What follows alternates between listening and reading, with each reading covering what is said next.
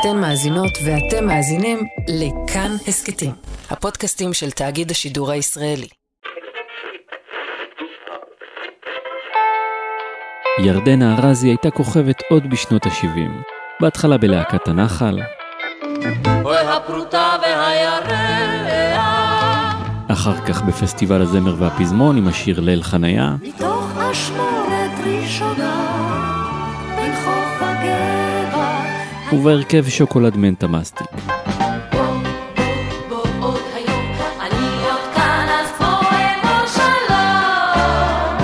אבל אלבום הבכורה שלה יצא רק ב-1982, אחרי כעשור של חיפושים.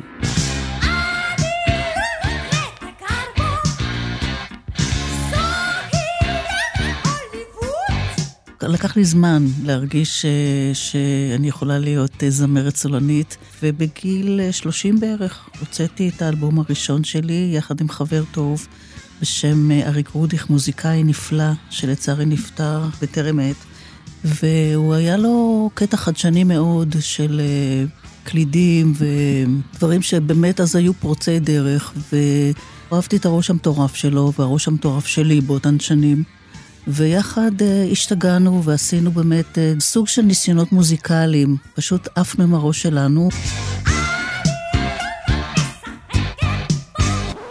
צרחתי עליה, אמרתי, מה את שרה את השטויות האלה? זה המפיק והמנהל המוזיקלי גברי מזור. וזו הייתה התגובה שלו כשירדנה נפגשה איתו בבית קפה ושאלה מה דעתו על אלבום הבכורה שלה. חשבתי שמה שהקליטה אז, זה לא מתאים לה.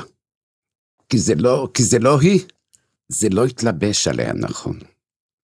ככה הרגשתי, תשמע. אני בן אדם הכי אמיתי, ש... לא הכי, יש בטח עוד, אבל מאוד אמיתי. אין אצלי לא בולשיט ולא צביעות. אמרתי לה, מה זה? צרחתי עליה. לא, תגידי, מה זה הדברים האלה? היא ובעלה, נתן היה בהלם. אמרתי, מה את מתעוררת? הוא אמר לי, מה זה השירים האלה שאת מקליטה? מה זה? את נולדת בקיבוץ, את אה, היית בצופים, את היית בלהקת הנחל. תשאירי את מה שאת. התחושות של גברי היו נכונות, והאלבום של ירדנה באמת נכשל מסחרית. בעקבות אותה פגישה, גברי הפך להיות המנהל האישי שלה. אמרה, טוב, טוב, אז מה, אז מה? אז מה אתה אומר? מה אני אעשה? אני חשבתי שבאישיות שלה, היא צריכה לשיר שירי ארץ ישראל. אמרת, את יודעת מה? בואי נתחיל. תני לי למצוא לך שיר. הוא, הוא רצה שאני אהיה אה, אמיתית לעצמי, שאני אעשה דברים שמתאימים לי ונכונים לי, ומה שנכון ומאפיין את ירדנה ארזי, זה לא רק סגנון מוזיקלי כזה או אחר. בשיר גרטה גרבו, ירדנה ניסתה להישמע כמו קייט בוש. גברי רצה שהיא תישמע כמו ירדנה ארזי. אני אומרת את אשר על ליבי. אני אף פעם לא אומרת משהו אחר, אני לא מדברת בקלישאות. לא שמים לב לרוב בגלל האיפור. אבל אה, אני אומרת בדיוק את מה שאני חושבת. היי, אני ניר גורלי והיום בשיר אחד, הסיפור מאחורי השיר שבאמת הזניק את קריירת הסולו של ירדנה ארזי, ושדרכו היא מצאה את הקול שלה. שיר מחאה שנכתב מתוך כאב המלחמה, השיר הביתה. הביתה, באה מן ההרים משדות זרים, היום דועך ואין סימן. הביתה, הביתה, טרם רדת אור, לילות קרים, לילות מרים, קרבים עכשיו לך. ממשלת ישראל החליטה להטיל על צה"ל את המשימה להוציא את כל יישובי הגליל מטווח האש של הטרוריסטים המרוכזים בלבנון. מלחמת לבנון הראשונה, שנקראה אז מבצע שלום הגליל, נפתחה ביוני 1982. כשאומרים לך נכנסים ל-40 קילומטר ל- ללבנון, ו- וכל יום יש רשימה של הרוגים, ואתה מבין שמה אנחנו, מה אנחנו עושים שם. אז אתה שואל את עצמך, זאת המדינה שאני הכרתי? מה קרה פה? כמו במלחמות הקודמות, גם הפעם ירדנה הגיבה כמו שהיא יודעת. מתנהלת מלחמה, ברור שאני צריכה להופיע לחיילים שם. נחתנו בדמור, מאוד יפה, נוף ממש מקסים, ומיד העלו אותנו על ג'יפים. אה, נתנו לי שכפ"ץ וקסדה, ויוצאים לטייל. התחלנו לעלות להרי השוף. ואני זוכרת שיחים עם פרחים, ונורא נורא יפה. זה היה נדיר, זמרים לא הגיעו לשם. גם גברי הצטרף להופעות. הייתה הזמרת הראשונה, זה בכלל היה נורא מסוכן. אנחנו אה, עם ג'יפ פתוח, כובעי פלדה כולם.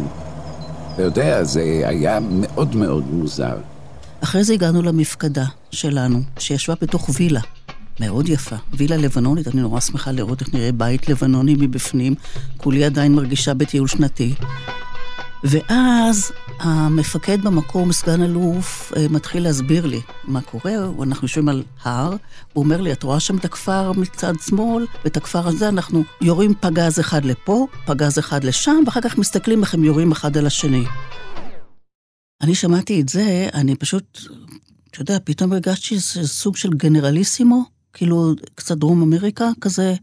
זה, מה זה? זה, זה דיבור של צבא שאני, לא משם אני באה. וחטפתי שוק. ו... ואז הוא אומר, בואי, ניקח אותך לווילת המריבה. יש וילה בודדת על צלע של הר, שמאחר והיא במקום אסטרטגי, כולם רבים עליה ורוצים לשלוט בה. בואי ניקח אותך לשם. טוב, נכנסים לג'יפים, אני יושבת לידו עם הקסדה, משקפי שמש ושכפ"ץ. הם עברו ליד טנק. חייל שעמד לצידו נופף להם עם הידיים. אני אומרת לו, הוא אמר לנו לעצור. אז הסגן אלוף הזה אומר לי, לא, הוא לא אמר לנו לעצור, הוא עשה לך שלום. אמרתי, איך הוא עשה לי שלום? מי זה? אימא שלי לא הייתה מזהה אותי עכשיו עם הקסדה, המשקפיים והשכפ"ץ. איך? למרות האזהרה, הם נכנסו לווילה. היה איזה תנור אפייה שם, ואז ירדנה באה לפתוח את הדלת של התנור, ואני צרחתי. אמרת, את, לא לנגוע. כשהם יצאו מהווילה, הם שמעו פתאום פיצוץ. מסתבר שהווילה הזו הייתה ממולכדת. ככה מתחיל הסיור שלי בלבנון, משהו מתחיל לחלחל לך, ככה אתה מרגיש שאתה קצת בבית משוגעים. הוא משהו הזוי. ובצל הטירוף הייתה גם המוזיקה. היא הופיעה על משאית זבל, פתוחה, פתחו אותה כזה, במה, והיא שרה, כן. היו שם הרבה מילואימניקים גם, ואני זוכרת שהם לא, לא, לא נתנו לי לרדת מהבמה, ורצו שאני אשיר עוד ועוד, ונגמרו לי השירים, ואז פתאום אמרתי, טוב, נשיר את השם מלהקת הנחל, את שיר לשלום. ואני עומדת שם בערי השוף, ואני שרה את שיר לשלום, ואני אומרת, התמונה הכי סוריאליסטית והזויה שיכולה להיות, מאות מילואימניקים יושבים ושואגים איתי בעומק לבנון את שיר לשלום, זה היה הזוי הזוי. וזה לא מפסיק הסיפור הזה. אנחנו מתכוננים לעוד הופעה, וורדינה כהן שהייתה איתי, מתחילה להתווכח, היא רוצה לשבת מקדימה, היא רוצה לשבת מאחורה, בג'יפ סיור. בעודנו מתווכחים, נחת פגז על הכביש שלפנינו. ואתה אתה פשוט מבין שאתה באיזה סוג של מציאות מטורפת ממש. מה שהדהד לי כשחזרנו כל הדרך הייתה שתיקה. אנחנו כולנו שתקנו. וזו הייתה, השתיקה הזו, רק אחר כך הבנתי ששתקנו כי היינו בהלם. היינו פשוט בהלם. החוויות והמראות הקשים מלבנון לא עזבו אותה. ואתה שואל את עצמך, רגע, מה קורה פה? וברור לך שזה צריך להיפסק, ואתה כועס, אתה באיזשהו מקום, אני מוצאת את עצמי כועסת מאוד על המנהיגות. והיא לא הסתירה את הכעס שלה. המדינה נחלקה אז לשאלה האם אה, להישאר בלבנון או לצאת מלבנון. ואני כמובן הייתי בצד שחשב ש... שצריך לצאת מלבנון. המחיר היה מחיר דמים, שלא הבנת את פישורו. זאת אומרת, אתה שואל את עצמך, מה, אנחנו רוצים עכשיו לטייל בביירות, כאילו זה עוד יעד תיירותי? מה, מה אנחנו עושים שם? ואז המחיר זה גובה. כל יום הייתה רשימה של הרוגים, של חיילים הרוגים, בואי נא. זה, היו הפגנות, הייתי חלק מההפגנות.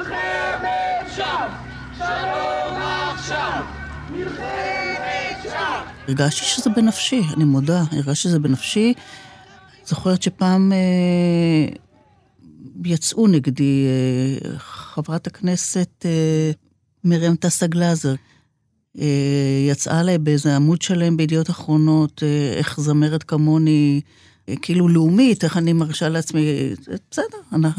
מרים טסה גלאזר הייתה סגנית שר החינוך, התרבות והספורט מטעם הליכוד, והיא קראה לפטר את ירדנה ארזי מהקמפיין של האגודה למען החייל. תראה, אני קמה בבוקר, אני לא מרגישה זמרת, אני מרגישה אזרח. אני מרגישה, אתה יודע, מי שאני. ומי שאני, אכפת לי, ואני פטריוטית. המחאה של ירדנה נבעה מתוך חוויה אישית ומתוך הסיפור המשפחתי שלה. אני באה ממשפחה ששילמה מחיר דמים. בן דוד שלי, אה, סגן ישראל ארזי, בן 19, מקיבוץ דן, נפל במערכות ישראל. גם המשפחה של אמא שלי וגם המשפחה של אבא שלי שילמו במחיר של דם בשואה. זאת אומרת, אני לא קמה בבוקר ואני מסתכלת ורואה משהו זוהר במראה. אני אזרחית ישראלית פטריוטית, שכל המשפחה שלי שירתו ביחידות הכי קרביות, כולל הבת שלי, כולל אח שלי, כולל בעלי שהיה סרן בסיירת גולני. אז מהמקום הזה אתה יוצא להפגנות, מהמקום הזה בנפש, בהרגשה. היא חזרה מאוכזבת, היא חזרה המומה, כואבת, כי היא הופיעה שם והיא ראתה את זה במו עיניה. זו עופרה פוקס מנור, אלמנתו של אהוד מנור. היא הייתה בטראומה ממה שהיא ראתה. היא אמרה, אהוד, אתה חייב לכתוב לי שיר על מה קורה שם, ושכבר החיילים שם יצאו משם. אתה יודע, כשיושבים ומדברים, אז סיפרנו לו גם את החוויה הקשה הזו, והמכוננת, והמסוכנת, שעברתי בלבנון, באמת. ירדנה הגיעה לאהוד כי רצתה שייתן מילים לכעס ולמחאה שבערו בה. חושבים שאהוד כתב רק שירי אהבה, כי רוב השירים שלו הם שירי אהבה, אני מודה. אבל יש לו שירי ביקורת לא קלים. גשם אחרון, בן יפה נולד, הבית ליד המסילה, גבעת הרקפות שנורית כתבה, כל המחאות שלו, אני צריך להבין את זה, באו מהנפילה של אחיו. בשנה הבאה זה שיר מחאה. אנחנו כבר לא יכולים לשבת על המרפסת, כי אח שלי נהרג, וכל המשפחה כבר איננה. אהוד כתב מתוך כאב מנפילת אחי הצעיר יהודה, אח שלו. כל השירים, אהוד כבר כתב שיר מחאה על המלחמה הזו. אלו היו מילים שנבעו מתוך הכאב הפרטי שלו. כשהוא ראה שנכנסים לביירות, הוא, הוא, הוא בכה, כי זה הזכיר לו גם את אח שלו וגם את כל החיילים שנופלים. הייתה לו איזושהי טראומה מאוד קשה. השיר נקרא "אין לי ארץ אחרת". אין לי ארץ אחרת, גם אם אדמתי רק. אחרי שהמילים "לא אשתוק כי ארצי שינתה את פניה" יצאו מתוכו, אהוד לא תכנן לכתוב עוד שיר על מלחמת לבנון. אבל אז, ירדנה הגיעה וסיפרה מה היא ראתה בהופעות מול החיילים. אלמלא ירדנה הייתה פונה, אני לא יודעת אם הבית היה נכתב. הוא גם ראה מה קורה, אבל הוא כתב כבר את אין לי ארץ אחרת, הוא הרגיש שזהו. והיא פנתה, ירדנה פנתה. כל הכבוד לירדנה. ובזמן שירדנה דיברה עם אהוד על המילים, גברי הלך לחפש להן לחן. היה לי קשר נורא טוב עם יאיר, וכשהתחלתי כאילו לחפש לירדנה, אז באופן טבעי הלכתי ליאיר. יאיר הוא המלחין יאיר קלינגר. אני הייתי אצל ירדנה, אני השמעתי לה כמה מהשירים שלי. וליאיר קלינגר יש מנגינה מוכנה. יאיר בילה את רוב שנות ה-70 בפריז. בתקופה הזאת אה, כתבתי לא מעט שירים לזמרים צרפתיים וזמרים אירופאים, ובין היתר כתבתי את השיר שאני קראתי לו מניאנה, עם טקסט באנגלית שאני כבר לא זוכר אותו. המוציא לאור שלי הציג אותו לסילבי ורטן, שהייתה באמת כוכבת מאוד מאוד גדולה בצרפת. היא שמעה את השיר, מצא חן בעיניה, והיא כתבה לזה אז גרסה בצרפתית, שהיא קראה לזה מניאנה טומורו. ב-1978 יצא השיר מניאנה, מחר.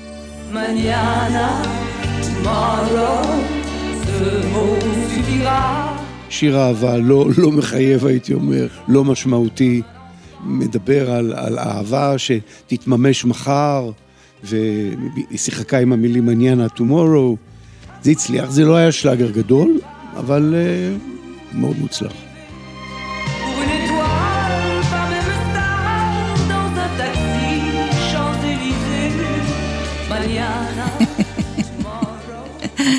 אני שומעת את צילי ורטן שרה, הצרפתייה, אשתו של ג'וני הולידיי, וכוכבת גדולה, מניאנה, טומורו. איזו מנגינה מאוד מאוד יפה. נפלתי. אמרתי, וואלה, מה זה להיט וזה. מניאנה, טומורו, נהדר, זה יפה. גברי לקח את הקלטת והלך לאהוד מנור. לאהוד לא הלכתי, לאהוד היו שמים לו את הקלטת בשער ברשות השידור. הייתי בא בלילה כשאין פקקים, שם את זה בשער, אהוד היה בא בבוקר, הוא היה עובד שם. לוקח את זה, וזו אחר כך טלפונית. ואז אהוד העביר לגברי וירדנה את המילים לשיר שכתב. במקום עניינה, הביתה. עוד שנה חלפה, עוד שנה תרופה. עשבים שוטים עלו בשביל ובגן. רוח נאנח, את התריס פתח, ומכה בקיר הישן כמו קורא. הביתה, הביתה, באה עת לחזור מן ההרים משדות זרים, היום דועך ואין סימן.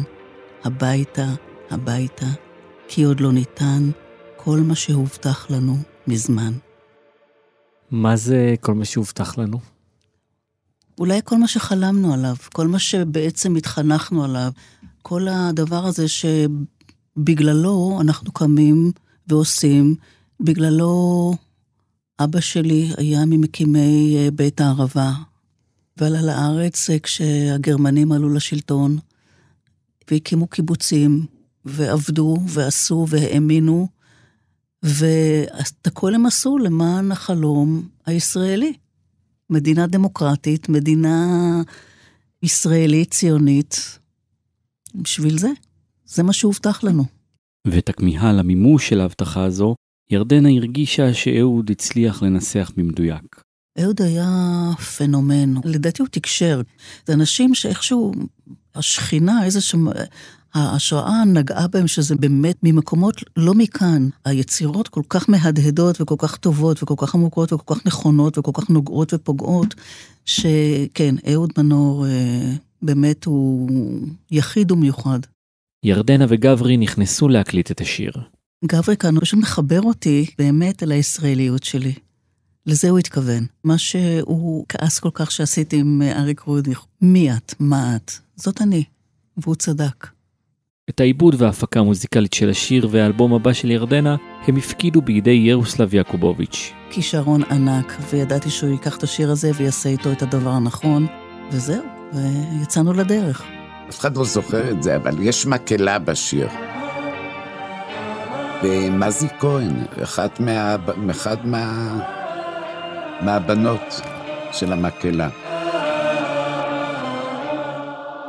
כשסיימו את העבודה לשיר, גברי נסע להשמיע אותו ברדיו. אצלי תמיד, גם עם סקטה, גם עם רוחמה, התחנה הראשונה אצלי, זו הייתה רשת ג' בהלני המלכה בירושלים. מי שישר נתנה לי פידבק טוב, הייתה עורכת נהדרת בשם רות קידן. ואיך שהיא וזה אמרת, רותי, את חייבת לשמוע את זה. בדרך כלל, אתה יודע, הם שמים והולכים. אמרת לה, רותי, את חייבת. היא שמה עם האוזניות בחדר העריכה. אמרה, גברי, זה נהדר. זה היה בום.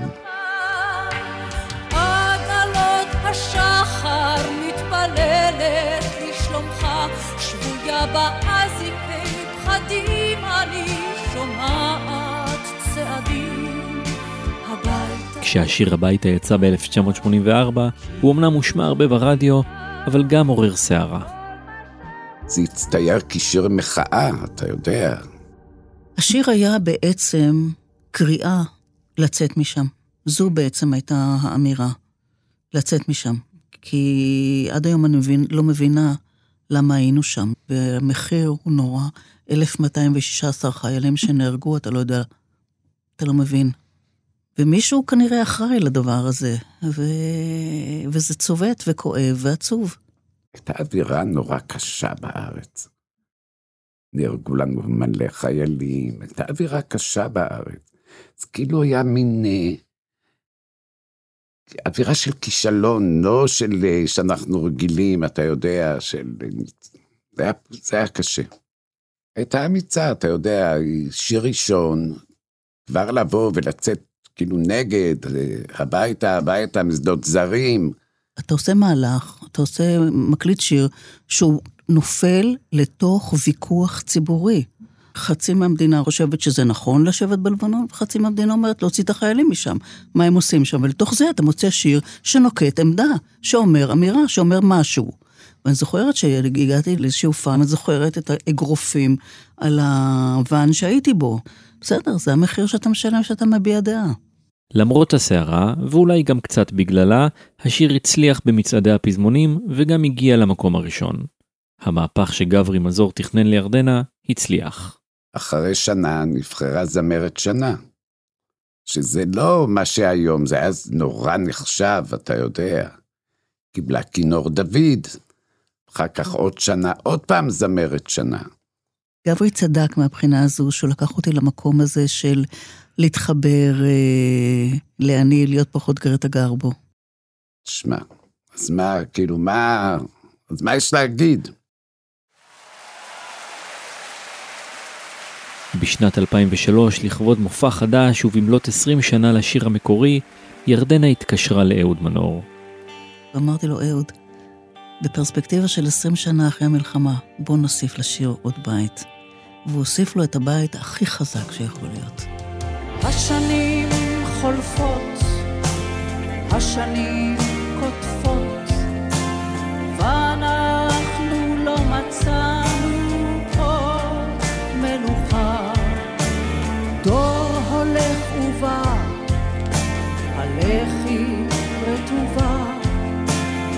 ובוכה דמעה מלוכה, כמו הביתה. ובאמת העוד זווית הזו שאהוד נתן פה, היא כל כך הייתה נוקבת. שמרי שמרי ארצי שלי, שברי חלום ישראלי, זה כל כך חזק. באה העת לחזור מסוף דרכים, מריב אחים. זה אקטואלי תמיד. לצערי הגדול, לצערי הגדול זה אקטואלי. אל תוך אותו מקום בלב. הביתה, הביתה, טרם רדת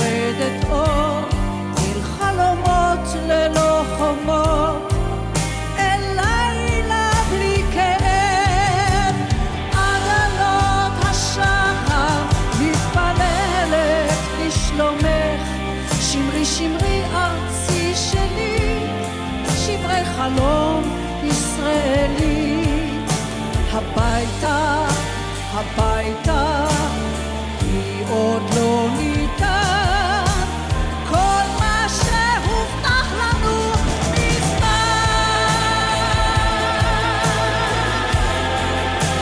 האזנתם והאזנתן לשיר אחד.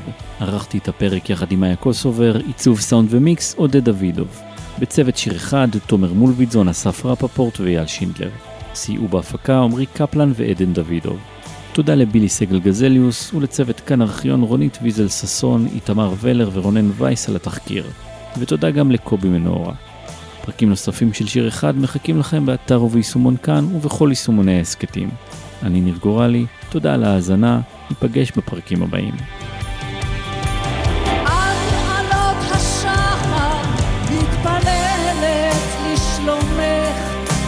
שמרי ארצי שברי חלום ישראלי. הביתה